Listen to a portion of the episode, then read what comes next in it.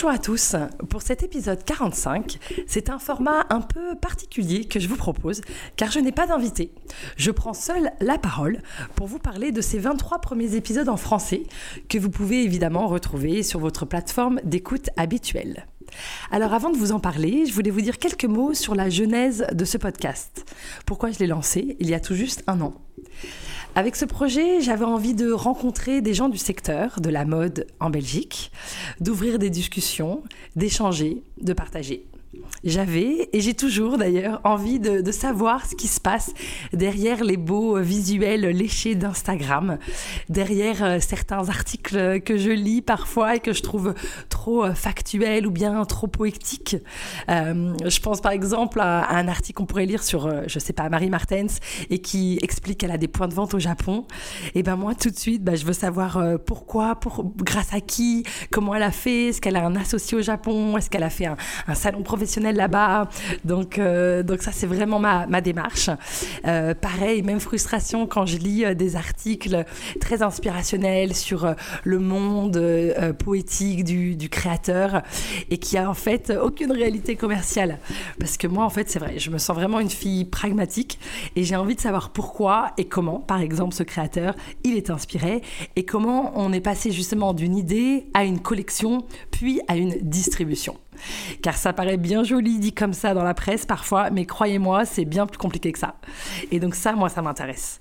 Et euh, voilà, moi, je suis pas une journaliste, je suis une experte euh, du secteur. Je travaille dedans depuis 20 ans et ça me passionne vraiment.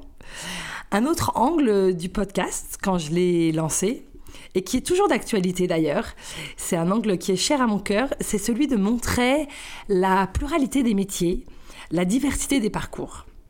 Moi, à 15 ans, j'avais aucune idée de ce qui se passait dans la mode. Ça m'attirait, mais j'avais pas les codes. Je savais pas comment on y entrait. Il y avait personne dans ma famille, ni de près ni de loin, qui avait des contacts dans ce secteur. D'ailleurs, je vais vous raconter un peu comment j'ai fait, moi. J'étais à Paris, donc j'ai débuté dans le secteur par la porte des stages. Donc, je dois avouer, à Paris, euh, c'est assez facile. Il y a quand même plein de maisons, euh, c'est un vrai business d'ailleurs, mais ça, c'est encore un, autre sujet. Euh, et donc, voilà, j'ai fait des stages chez Paul Smith, puis chez Burberry, et donc, à partir de là, quand même, on, se crée déjà un peu du, réseau, des contacts, et c'est comme ça que j'ai pu ensuite rentrer chez, chez Chloé. mais en arrivant à 25 ans en Belgique, moi, j'avais plus envie de faire de stage et j'avais envie de gagner ma vie. Et donc euh, voilà, l'option stage, elle n'était pas, euh, elle était plus pour moi. Du coup, je suis repassée par la case retail, être vendeuse euh, dans la boutique de Yoji Yamamoto à Anvers. Et je pense que c'est une bonne idée d'ailleurs de, passer par la case boutique, expérience terrain, expérience client quand on veut rentrer dans ce secteur-là. Il faut aussi se souvenir que moi, il y a 15 ans, en arrivant à Anvers, j'avais quand même une problématique de langue à surmonter. Car évidemment, euh, personne n'attendait à Anvers, dans la mode, ni ailleurs d'ailleurs, une fille qui parle que le français et l'anglais. Donc euh, même trouver un job en boutique, honnêtement, c'était pas si évident. Mais, euh, mais voilà, donc j'ai quand même été embauchée par, par Yoji Yamamoto. le recrutement s'était fait d'ailleurs via Paris. et j'y suis allée, c'était mon passeport pour la Belgique, je l'ai vraiment vu comme ça. Mais je savais aussi que j'y resterais pas toute ma vie. Donc, euh, donc voilà. Et je vous raconte ça parce que justement, je trouve que c'est important de montrer que les parcours professionnels, ils sont pas linéaires. Et d'ailleurs, moi, j'adore les histoires euh, de banquiers qui se lancent dans les chemises ou les bretelles. Là, je fais un petit euh, clin d'œil à l'épisode 15 avec Gilles, ou je pense évidemment à Peggy Hack de l'épisode 33 qui a eu plein d'aventures professionnelles passionnantes. Et, et, on sent bien que ça nourrit son travail aujourd'hui de business coach auprès du MAD, euh, qui est euh, un incubateur, une plateforme à Bruxelles qui accompagne les créateurs euh, dans la mode et dans le design.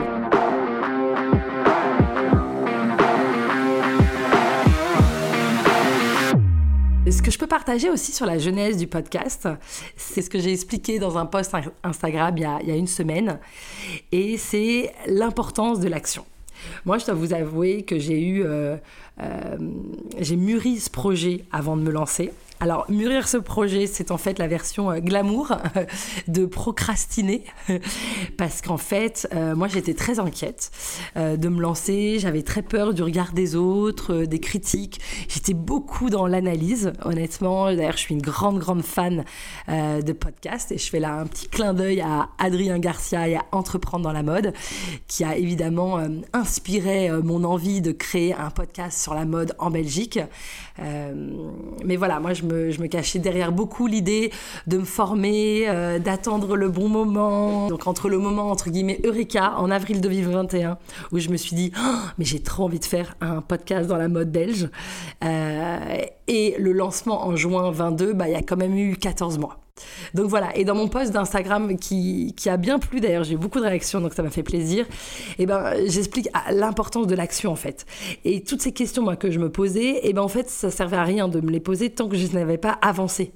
Et en fait c'est vraiment ça euh, le point que j'avais envie de partager avec vous, c'est en fait c'est en faisant qu'on apprend et qu'on grandit sur un sujet.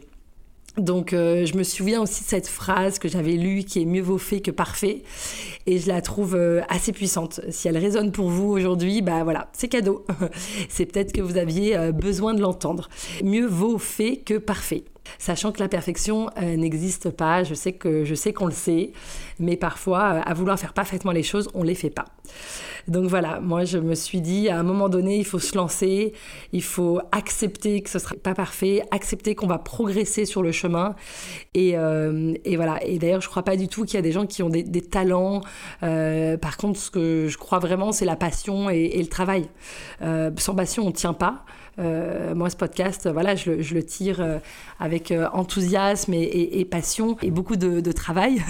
mais mais c'est vrai que s'il n'y a pas ces deux éléments-là, on ne peut pas vraiment grandir et, avancer et surtout résister aux, aux aléas, aux déceptions qui seront forcément sur le chemin.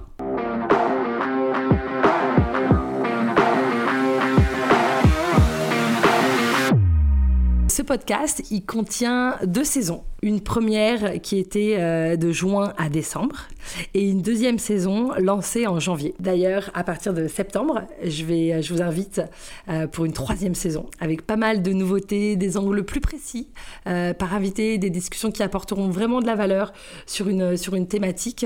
Je vous en dis pas plus, mais évidemment, à partir de septembre, pour la saison 3, je vous invite à me suivre. Donc aujourd'hui, ce podcast, avec ces deux saisons, il a 23 épisodes en français et un en anglais avec euh, Duraj Sakra et 21 en néerlandais. Sur les 23 épisodes en français, il y en a 9 qui donnent la parole à des acteurs de marques de prêt-à-porter, 5 pour des marques de bijoux, 5 pour des marques de sacs, d'accessoires, et aussi 3 euh, avec trois femmes avec qui j'ai envie de dire on prend un peu euh, l'hélicoptère pour avoir une vision plus large du secteur. Et, euh, et je fais mention là des épisodes avec Isabelle, qui est journaliste et à la tête du magazine Moments, c'est l'épisode 19. Il y a aussi l'épisode avec Elke Timmerman, qui est l'épisode 10, qui, qui a lancé le Fashion Council of Europe, qui a travaillé au MAD et qui est maintenant au Flanders DC à, à Anvers. Euh, avec qui on a une discussion voilà, sur, le secteur et la responsabilité euh, publique et politique qu'a la Belgique euh, dans le soutien à ses, créatifs. Et puis, on a aussi l'épisode avec Peggy, qui parle de son travail au MAD, dont je vous ai déjà parlé. Donc, un, travail de coach, d'accompagnatrice des créateurs dans leurs différents projets créatifs.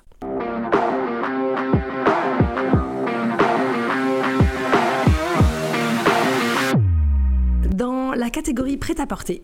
Le premier épisode, qui reste encore euh, aujourd'hui l'un des plus longs et pourtant un des plus écoutés, c'est celui avec la délicieuse Sarah de Saint-Hubert. C'est une fille qui a un univers stylistique et musical fort, une identité rock et poétique et qui raconte avec beaucoup de transparence ses choix stratégiques et parfois difficiles qu'elle a dû faire pour sa marque. Euh, comment elle a dû euh, s'écouter et respecter au mieux ses envies. C'est l'épisode numéro 2. Ensuite, il y a l'épisode 8 avec euh, Dorian Van Overheim de la marque Dorilou, qui parle d'une marque engagée, genderless, produite en Belgique avec des chutes de tissus. Euh, et, c'est vraiment intéressant de l'écouter. Elle raconte aussi comment elle a accompli un rêve d'enfant en shootant avec, euh, avec une grande mannequin. Donc c'est l'épisode 8.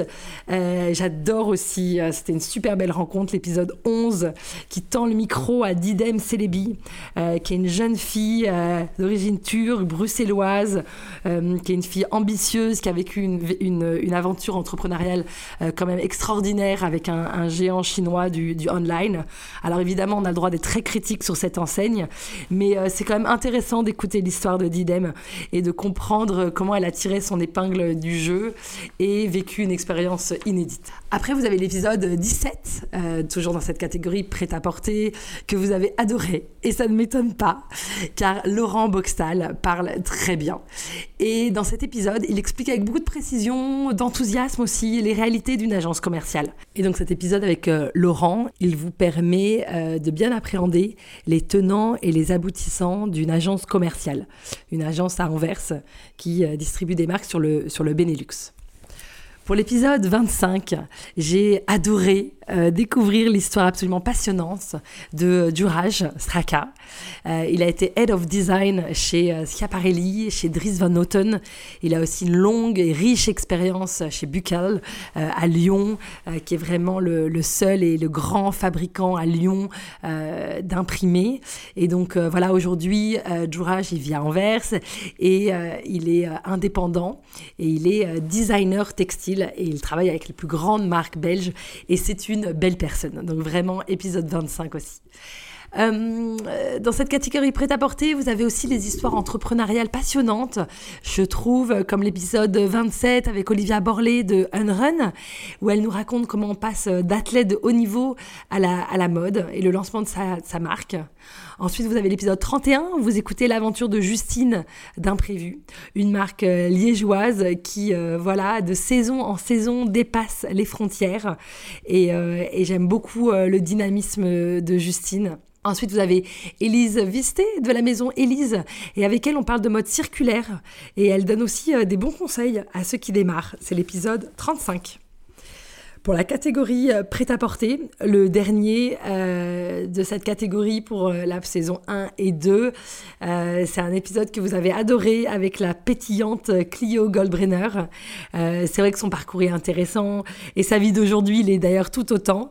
elle vraiment, elle construit son métier, elle construit son quotidien en écoutant ses envies, son cœur et, et, ça, je trouve que c'est déjà assez inspirant. Aujourd'hui, elle développe la distribution de marques de prêt-à-porter, de, chaussures et de, bijoux euh, sur, la, Belgique. Et puis aussi, euh, elle est à la tête euh, d'événements vraiment super avec Émilie Duchesne. Elle accompagne, elle forme, elle rassemble des femmes autour, de l'entrepreneuriat. Et elles elles font ça super bien.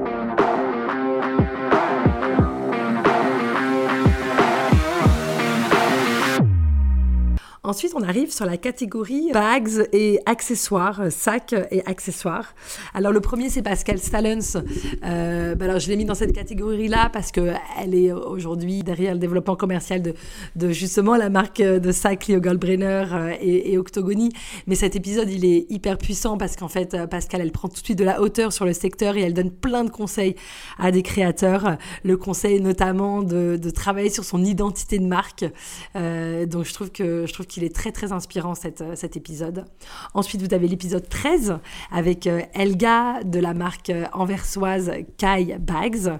Elga, c'est aussi une aventure passionnante, une aventure humaine passionnante, une histoire d'amitié. Et Elga, ça fait partie aussi de ces femmes qui ont eu plusieurs vies en une. Et ce qu'elles font aujourd'hui avec la marque Kai est absolument exceptionnel. Elles ont une boutique à Anvers, aussi à, à, Bruxelles. Et elles sont aussi en train de, de déplacer les frontières euh, et, de grandir notamment aux, États-Unis. Euh, ensuite, vous avez Gilles de Bertel, épisode 15, euh, voilà, qui, est derrière cette, marque très chouette de bretelles et, il est aussi avec Candice Rosenfeld derrière le bureau Curious où ils accompagnent des créateurs belges, des marques dans, leur, dans, un accompagnement aussi bien financier que marketing et il en parle aussi, c'est intéressant. Ensuite, épisode 37, où j'ai pris euh, mon train, mon tram, mon, RER e pour arriver à Versailles et rencontrer Marie Martens.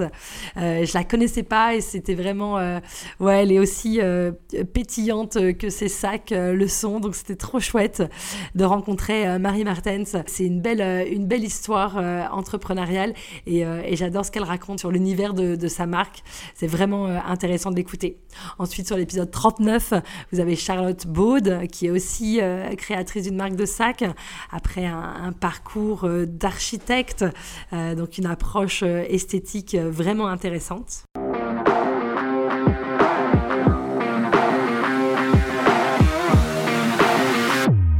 Ensuite, vous avez la catégorie bijoux.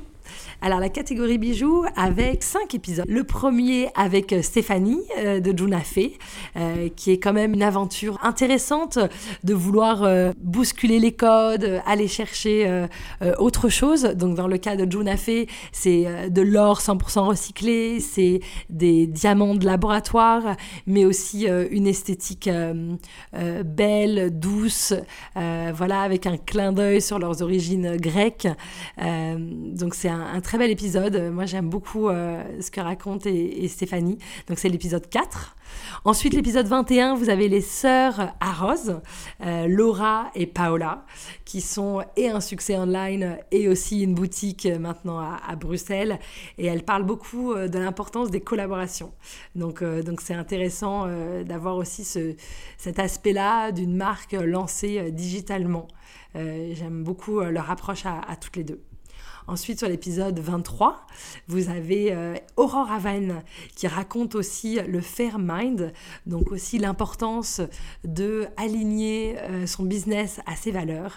Euh, et c'est une belle personne, Aurore, et je trouve que ça se ressent bien. Elle a aussi une approche non genrée de ses bijoux, et je trouve que c'est moderne et ça fait bousculer les codes d'une société en pleine évolution. Ensuite, l'épisode 29 avec euh, Émilie Duché. Bah, elle a vraiment une communauté de fans euh, et je le comprends tout à fait parce que c'est vraiment une fille euh, chouette, sympa, généreuse, inspirante. N'hésitez pas à écouter cette, cette cool girl, une fille qui a vraiment des choses à défendre avec Thea Jewelry, une marque qui vient célébrer des, des dates, des prénoms et c'est une belle marque. Ensuite, vous avez l'épisode 43 avec Oriane de Munter de la marque ODM Jewels et là, on, se concentre aussi sur euh, ce projet Embrace. Euh, qu'est-ce qu'il vient dire? Donc, c'est des euh, bracelets scellés pour la vie. Donc aussi une démarche de bijoux avec du sens, de bijoux qui viennent raconter et célébrer. et c'est une fille vraiment solaire, Oriane. Donc cet épisode, il est trop chouette. Et d'ailleurs, vous l'avez beaucoup aimé. Et, et je trouve que c'est du soleil dans les oreilles, cet épisode 43.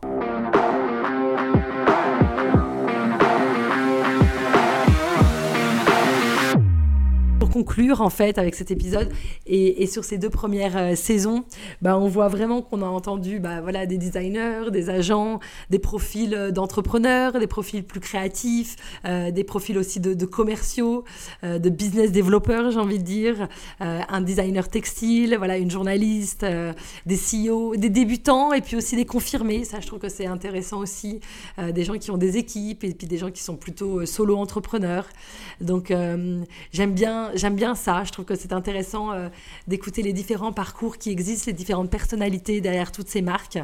Et euh, voilà, je, souhaite continuer dans ce sens.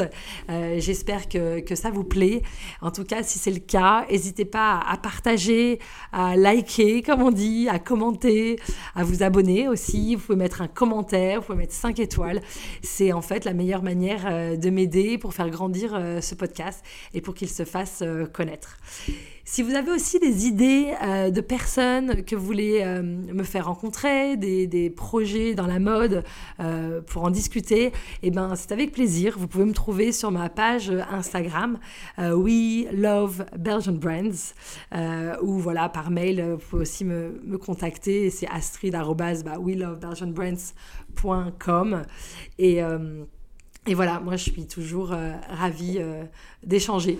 Voilà, je vous remercie pour vos écoutes et puis euh, je vous souhaite plein de bonheur et plein d'amour.